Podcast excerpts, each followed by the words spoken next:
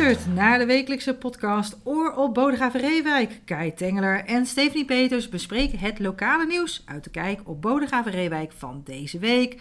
Goedemorgen Kai. Goedemorgen. En je hebt gelukkig je stem weer terug. Ik heb weer een beetje stem terug. Ja. Ik ben nog een beetje zwoel. Een beetje zwoel. Dus Hmm. als u denkt, ik hoor een hele zwoele stem, dan weet u waardoor het komt.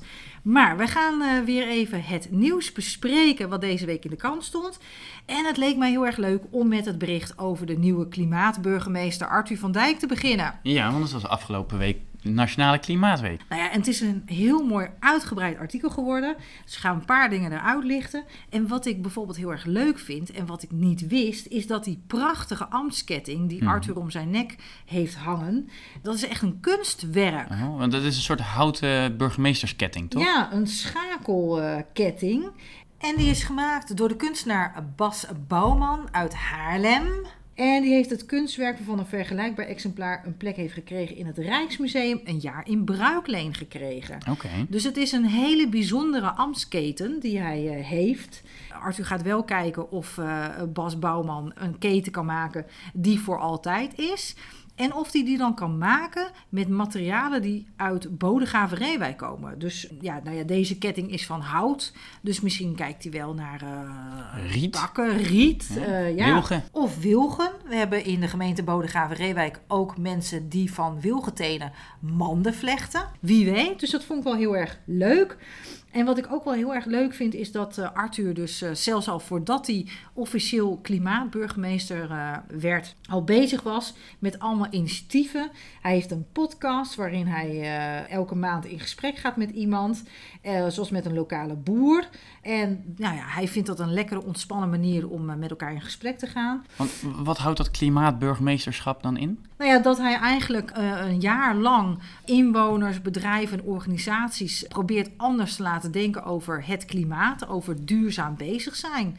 En dat is ook echt zijn, eh, zijn missie. Eh, hij, wil, hij wil hen blijven inspireren in duurzaam denken en doen. En Ja. dat doet hij dus op allerlei manieren. Hij heeft ook bijvoorbeeld een initiatief, de Vegan Friday. Dan heeft hij allerlei restaurants in Bodegraven-Reewijk een brief gestuurd en gevraagd of hij daar eens mag komen koken. Bijvoorbeeld op de vrijdag. En dan vegan, dus eh, Volledig plantaardig. volledig plantaardig. Ik ben heel erg benieuwd wat hij allemaal gaat doen het komende jaar. Ja, we gaan vast nog meer van hem horen. Dat denk ik ook. En dan gaan we nu door naar eh, politiek nieuws. Ja, ik heb eh, twee projecten in de aanbieding over tijdelijke woningen. Welke wil je eerst? Over arbeidsmigranten of over een project voor starters, spoedzoekers en mensen met een verblijfsvergunning? Eh, zullen we met die laatste beginnen? Doen we die laatste. Dat gaat om de flexwoningen. De gemeente zoekt locaties om nieuwbouwwoningen te bouwen. De normale streven is 180 woningen per jaar en dat wil, zullen ze opvoeren naar 250. Zo.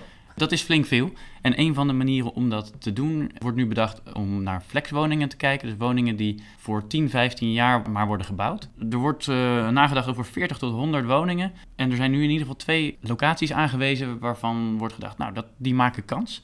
Ene is het evenemententerrein aan de burgemeester Kremerweg naast de moskee in Bodegraven. Daar zou plaats zijn voor 40 à 50 woningen. En eh, dat evenemententerrein is niet erg dat dat dan wordt bebouwd, want de vakantiespelen die daar vaak Ja. eh, zijn, die waren toch al op zoek naar een andere locatie. En daar is ook wel iets voor op het oog. Een andere locatie voor flexwoningen is de voormalige Verhoeven Romanschool. Daar zou de plek zijn voor 12 woonunits. Oké. In totaal zou, zit je dus dan op eh, nou ja, 50, 60 eh, woningen. Dus het is nog een heel eind ook naar die 250. Ja, dat is zeker waar. En dat moeten ze elk jaar dan behalen de komende jaren? Of is dat eenmalig? Dat is per jaar de bedoeling. Ja. Ja. dus dan moet je wel flink eh, op zoek naar alle locaties.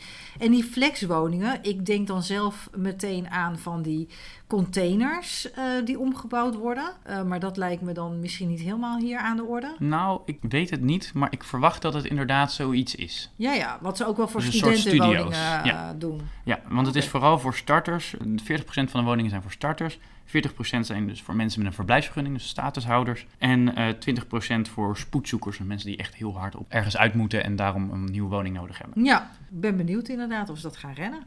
De andere flexibele woningen, of uh, tijdelijke woningen in ieder geval, zijn voor arbeidsmigranten. Daar loopt al heel lang dat dossier van kunnen we arbeidsmigranten huisvesten op een goede manier, op een betere manier dan nu in de verkamering, met name in het centrum van Bodegraven, waar het ook overlast oplevert, waar ze wonen in slechte omstandigheden regelmatig. En daar is nu een ontwikkelaar gekomen die heeft gereageerd op de vraag van de gemeente van kun je met deze voorwaarden die al uh, door een klankbordgroep zijn gesteld, door de gemeenteraad zijn vastgesteld, allemaal voorwaarden uh, voor uh, hoe de leefomgeving moet zijn en hoe de relatie tussen werkgever en verhuurder moet zijn. Uh, daar zit nu namelijk nu een groot probleem dat arbeiders huren bij hun werkgever via een uitzendbureau, waardoor ze heel erg afhankelijk zijn van hun werk om ergens te kunnen wonen. Dat moet dus losgetrokken worden van elkaar. Daar is nu iemand voor gekomen. Een combinatie van We Living en De Vries en Verburg. Een bekende naam in de omgeving. Die zijn nu van plan om een locatie te bouwen voor ongeveer 100 arbeidsmigranten tussen de N11 en de McDonald's. Dat is, daar staat nu ook een bungalow, toch? Ja, daar staat inderdaad ook al een bungalow. Die witte bungalow. Klopt, die wordt ook al omgebouwd om plaats te maken voor 16 arbeidsmigranten. Maar dat is een apart project, dus dat staat hier los van. Nou, uh, ook een spannende Ja, ontwikkeling. ja, eind november wordt het, uh, het plan voorgelegd aan de gemeenteraad. En binnenkort worden ook uh, de klankbordgroep en bewoners uit de omgeving worden betrokken. Oké, nou, dan gaan we nu naar het volgende bericht. Ja, we gaan de ring in. We gaan de ring in inderdaad, want de Bodegraafse Jan Julius Humme... die eindigt uh, volgend jaar zijn carrière als uh, professioneel bokser, kickbokser. En dat heeft hij dan uh, 20 jaar gedaan. En hij kijkt in het artikel terug op zijn carrière... en hij geeft ook aan dat het trainen de doorslaggevende factor was voor zijn carrière. Hij heeft zich letterlijk ja, er hard voor moeten knokken om zover te komen waar hij nu terecht is ja, ja. gekomen. En nou ja, dat vind ik eigenlijk wel mooi. Dat je als bokser je erg, ja, ergens voor moet knokken om ergens te komen. En hij geeft ook aan, boksen, het is een mooi sport. Het gaat niet alleen om slaan, maar je leert respectvol om te gaan met elkaar. Discipline te krijgen. En het geeft natuurlijk ook een kick om in de spotlight te staan. En dat vind ik ook wel heel mooi dat Ja. hij dat noemt. Want, De kick van kickboksen. nou ja, de kick van kickboksen, maar ook wel dat je dus leert om respectvol met elkaar om te gaan. Want ja, ik, ik moet eerlijk bekennen, ik kijk eigenlijk niet naar boksen. Maar je ziet soms eh, Rico Verhoeven natuurlijk Mhm. wel voorbij komen.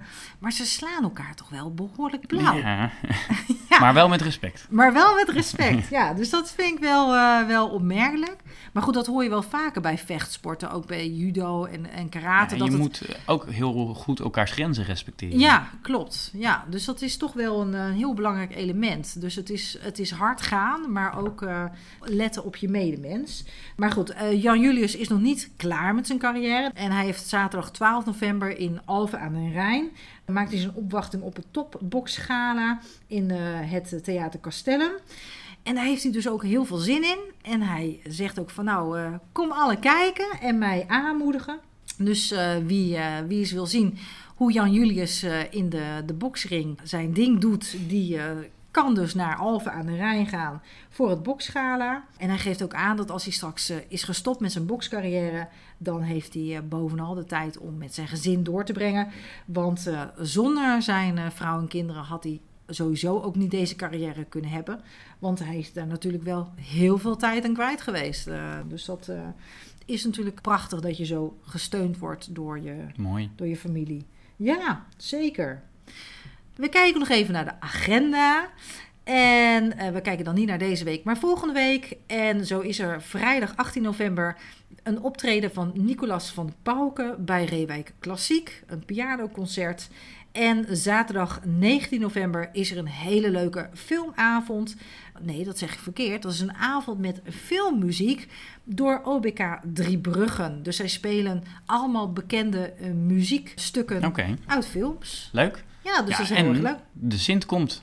En de Sint komt. Ja, vandaag al een stuk over de organisatie van de Sint-intocht in Bodegraven. En volgende week besteden we aandacht aan die in Reewijk-Brug en Dorp.